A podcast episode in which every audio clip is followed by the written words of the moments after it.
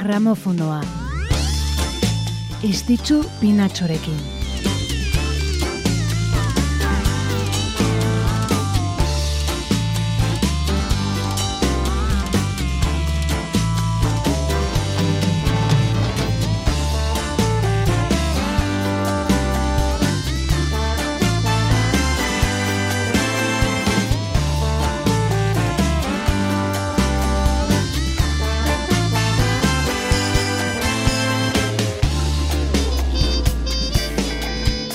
Arratxaldeon, arratsaldeon denoi eta ongi etorri gramofonora. Gramofonoan gaude bai, aurten larun batetan honezkero jakinen duzuen moduan, asteko musika efemerideen errepasoa egiteko. Urriaren hogeita zortzia dugu gaur, eta aste honetan bildutako gertakari nagusienak zuekin partekatzeko gogotxu, etorri gara. Beraz, asgaitezen, lenda biziko kantu honekin. I am an endangered species.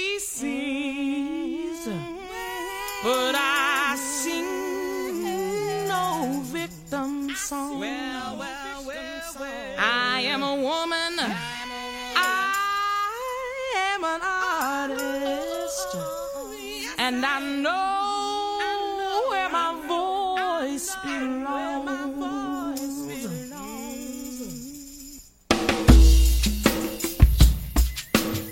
Azenolako sarrera gaur gramofonoak, eh? Diane Reeves da bera. Diane Reeves, eh, talentu handiko jazz abeslariarekin. Hasi dugu aste honetako errepasoa. Hainbat Grammy sariren irabazlea bera, Diane Reeves, mila bederatzen da berrogeita amaseiko urriaren hogeita iruan jaio zelako dugu gaur gurean.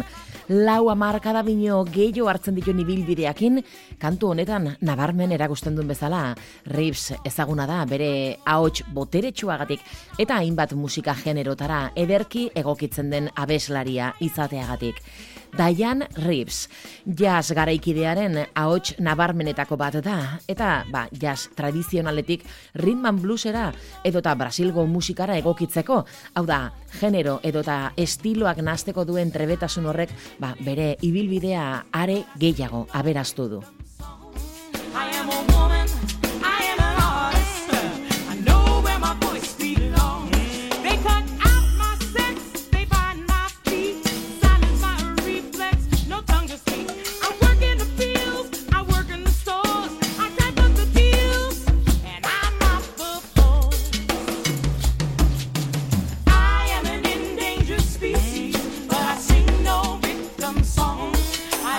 I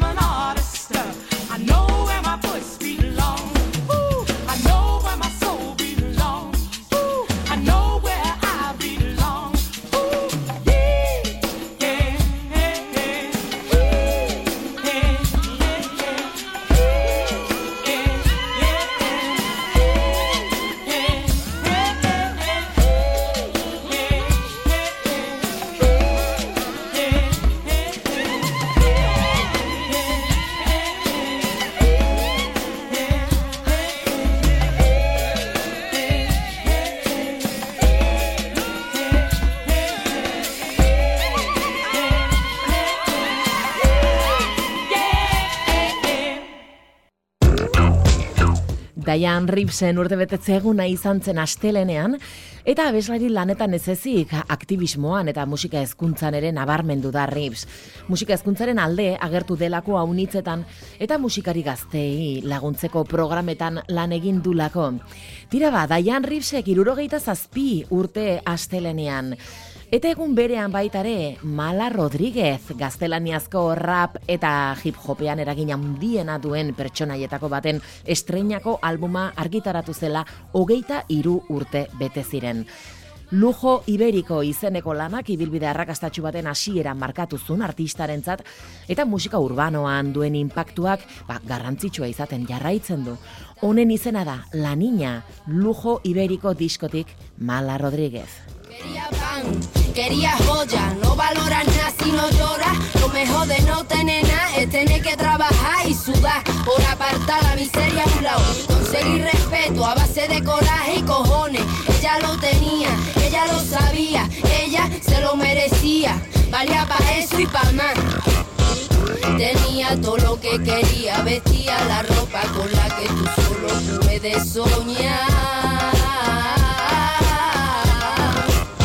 Muchos son los talentos que se pierden en la mar. Pero cuando tú solo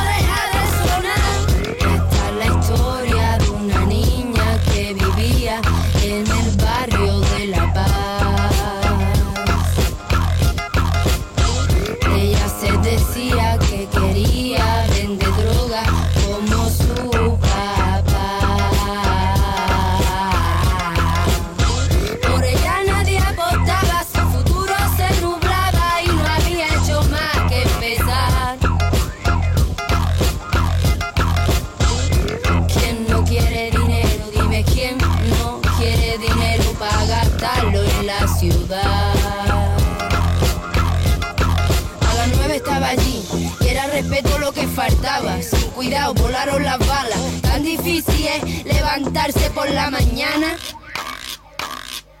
Por ser mujer llevaba pistola. Ya sabe, para no sentirse sola. A nadie le gusta que le jodan siempre.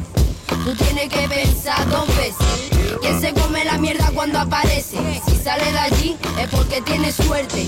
Pa' otra vez tendré más cuidado, mamá. Iré con gente. Tenía todo lo que quería, vestía la ropa con la que tú solo puedes soñar.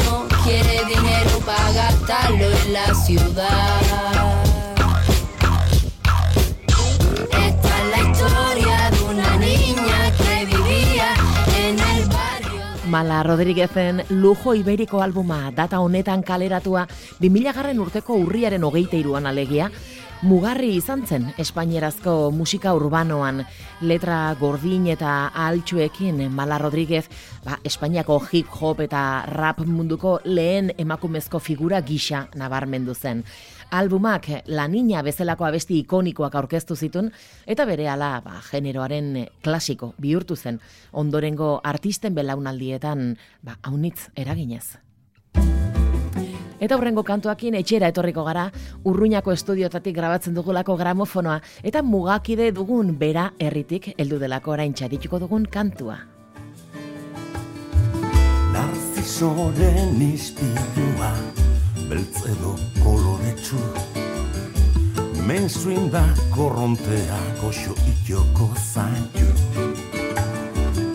Berrogei urteko hau txotxuntxulun berde aizu Ez izan deusan beldur pentsioan baduzu. Soldata seguruan onarantza rimatu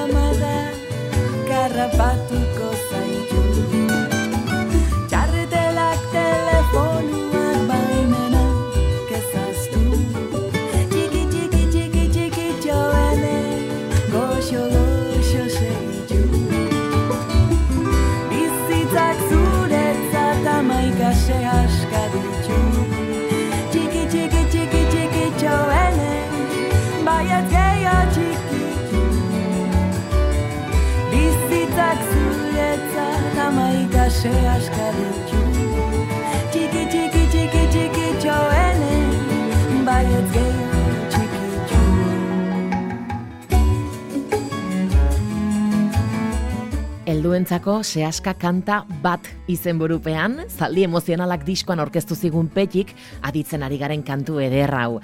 2008an kaleratutako lana, momentuz musikari beratarraren azkena da, eta luxuzko musikariak izan zituen inguruan horretarako, eh? Oikoak bihurtu diren etxeko ustaz gain, hau da, petiren banda osatzen duten Joseba Irazoki, Inigo Telletxea eta Igor Telletxeaz gain, gonbidatu beresiak izan zituen. Helduentzako sehaska kanta honetarako adibidez, eh, Angelunzu gitar joleak egin zituen ari moldaketak, baita gitarrak grabatu ere, bino horretaz gain eta inkarnatusekoen laguntza ere izan zun, aditu ditugun ba, biolin, biola eta txeloak gehituz kantuari, Eta nola ez, kantu honi ba, xarma beresia ematen dion edo jartzen dion maite larbururen ahotsa ere bai. Lan borobila zaldi emozionalak izeneko album hau, petik orain hiru urte aurkeztutakoa. Eta guk gozatutakoa eta kasu honetan aukeratutakoa peki zoriontzeko. Asteartean urriaren hogeita lauan bere urte betetzea izan zelako, gainera zenbaki borobila urten. Besarka da estu bat hemendik eta haunitzurtez, peki.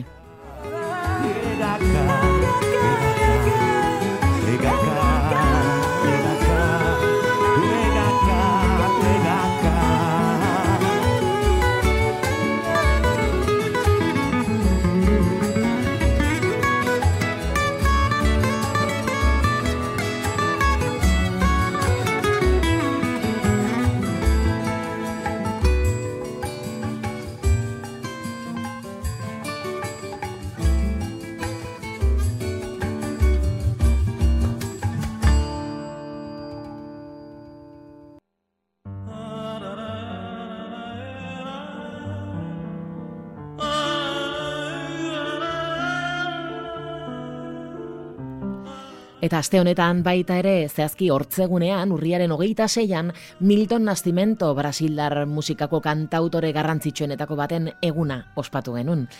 Bere ahots paregabeak eta generoak fusionatzeko dun e, trebetasunak aztarna paregabea utzi dute musikaren estenan. Larogeita bi urte bete ditu aste honetan beraz, Milton Nascimentok.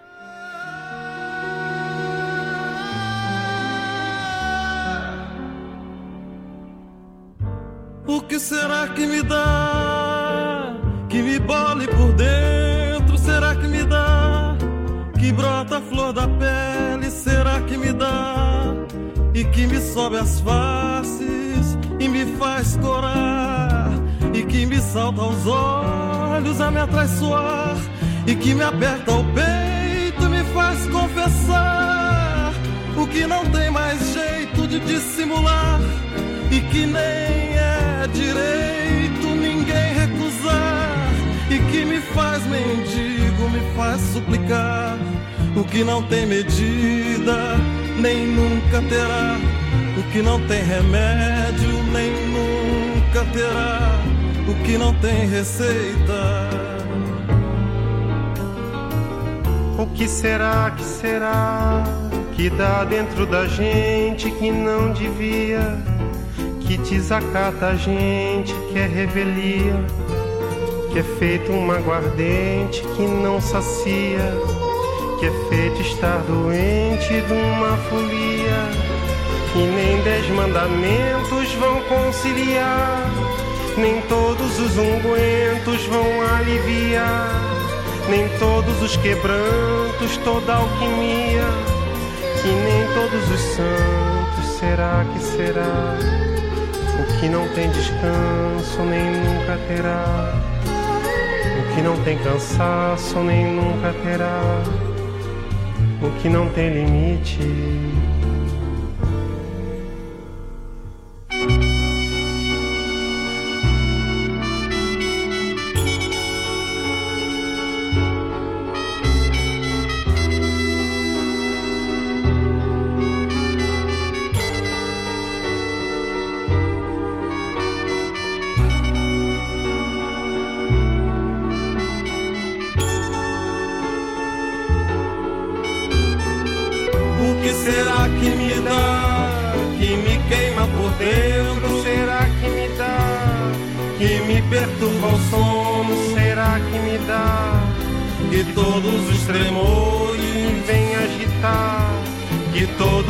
Ardores Me vem atiçar. Que todos os suores me vêm encharcar Que todos os meus nervos estão a rogar Que todos os meus órgãos estão a clamar E uma aflição medonha me faz implorar Milton Nascimento pasaden hortzegun honetan jaioa Brasildar musikaren irudi ikoniko hoietako bat da. Bere ahots bere isgarriak eta generoak nazteko dun gaitasunak bossa nova eta Brasilgo musika folklorikoa barne Brasilko eta munduko artista garrantzitsuenetako bat bihurtu dute. Klube da eskina, trabesia, edota oke zera bezalako abesti hause, bere musika bikainaren adibide dire.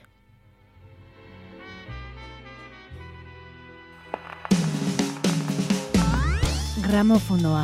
Estitzu pinatxorekin.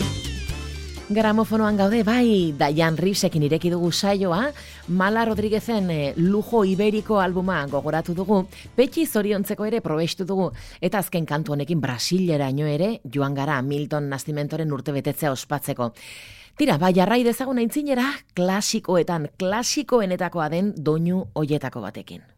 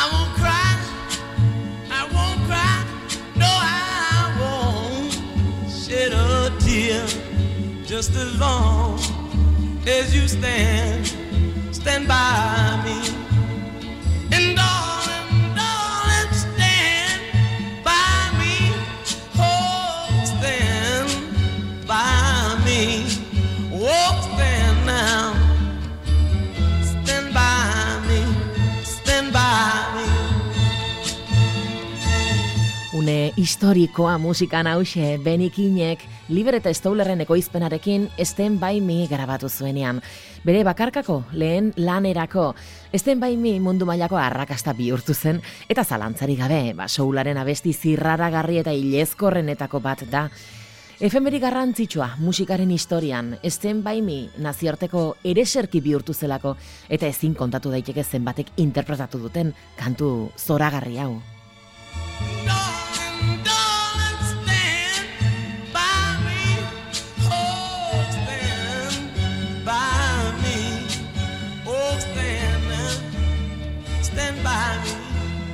stand by me? Whenever you're in trouble, won't you stand by me? Oh, stand by me. Whoa, stand by Oh, stand. Boom, boom, boom, boom, boom, boom. Mila bederatzireun da irurogeiko urriaren hogeita zazpian hasi ziren esten bai miren eh, lehen grabazioak eta benikinen ahotsa eta Liber eta Stowlerren ekoizpenak ba soularen abesti unkigarrienetako bat ekarri zuten. Ba, sei urte berandugo, mila bederatzireun da irurogeita seian gaur bezalako egun batez, bertze altxor bat jaio zen.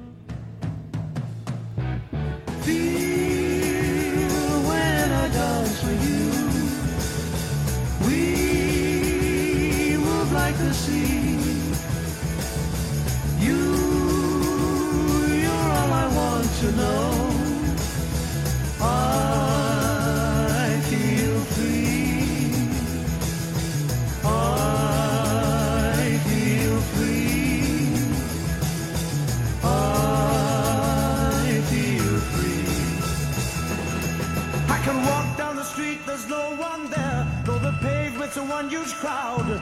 I can drive down the road, my eyes don't see. My mind wants to cry out loud.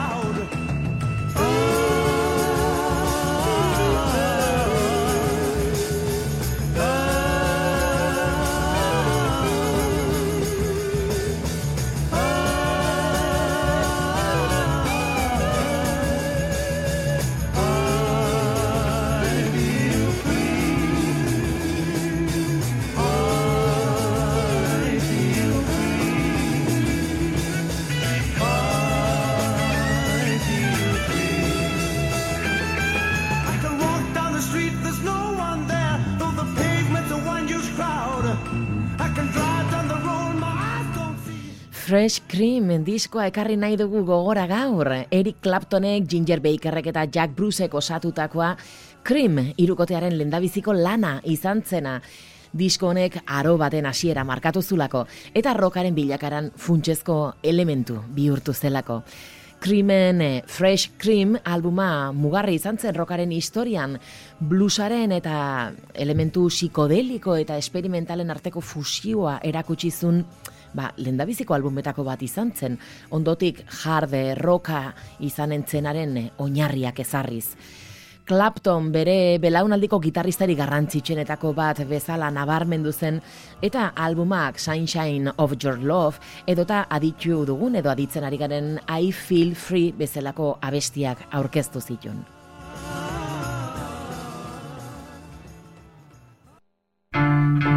Gaurko egunez aurkeztu zuten Eric Claptonek, Ginger Bakerrek eta Jack Brucek Cream superbandaren lendabiziko lana, ba egun berean irurogeita seian baitare The King talde ingelesak Face to Face albuma argitaratu zuen. The taxman's taken all my dough and left me in my stately home, blazing on a sunny afternoon. And I can't sail my yacht, he's taken everything I got. All I've got's this sunny afternoon. Save me, save me,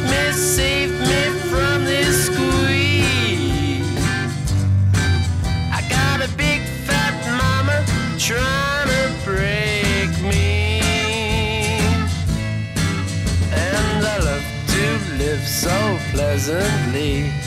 Live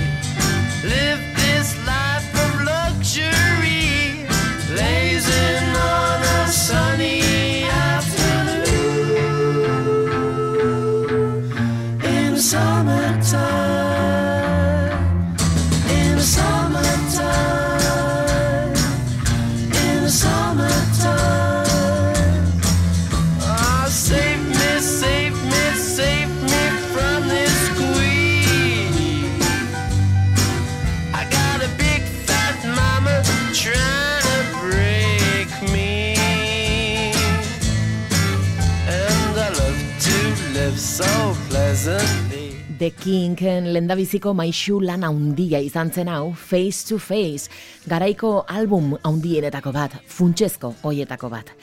Musikaren historian bertze mugarri bat hau, Face to Face, taldearen sormena eta talentua punturik altuenean eh, ba, dauden eh, albuma. Musikarien eh, heldutasuna eta konposizio trebetasuna erakutsi zitun Dandy edota Sunny Afternoon bezalako abestiekin. Une erabakigarria izan zen rock britainiarraren bilakaeran eta The Kings taldeak gero eta eragin handiagoa izan zuen musikaren estenan.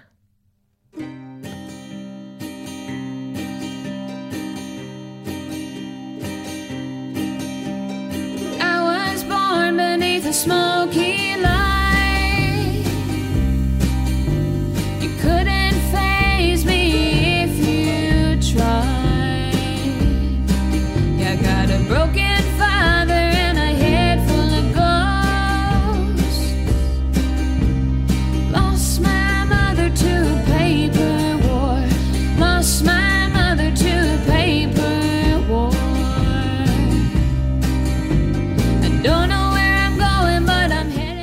Eriotza batekin itxiko dugu gaur saioa Taylor Mitchell emeretzi urtekin zendutako abeslari Kanadarra gogoratuz alegia. Kanadako Cap Breton eh, Parke Nazionalean zela bi koiotek eraso egin zioten eta Taylor Mitchellek eh, Kanadako folkaren promesa gazteak bizia galduzun. Hilabete batzuk lehenago bere lehen albuma argitaratu zuen For Your Consideration izenekoa bere bidea, bere bidea markatzen hasia zen bino zoritxarreko ez behar arek, eh, musika komunitatea unkituzun tragedia arek biziak kendu eta utxune galanta utzizun gaur amalau urte.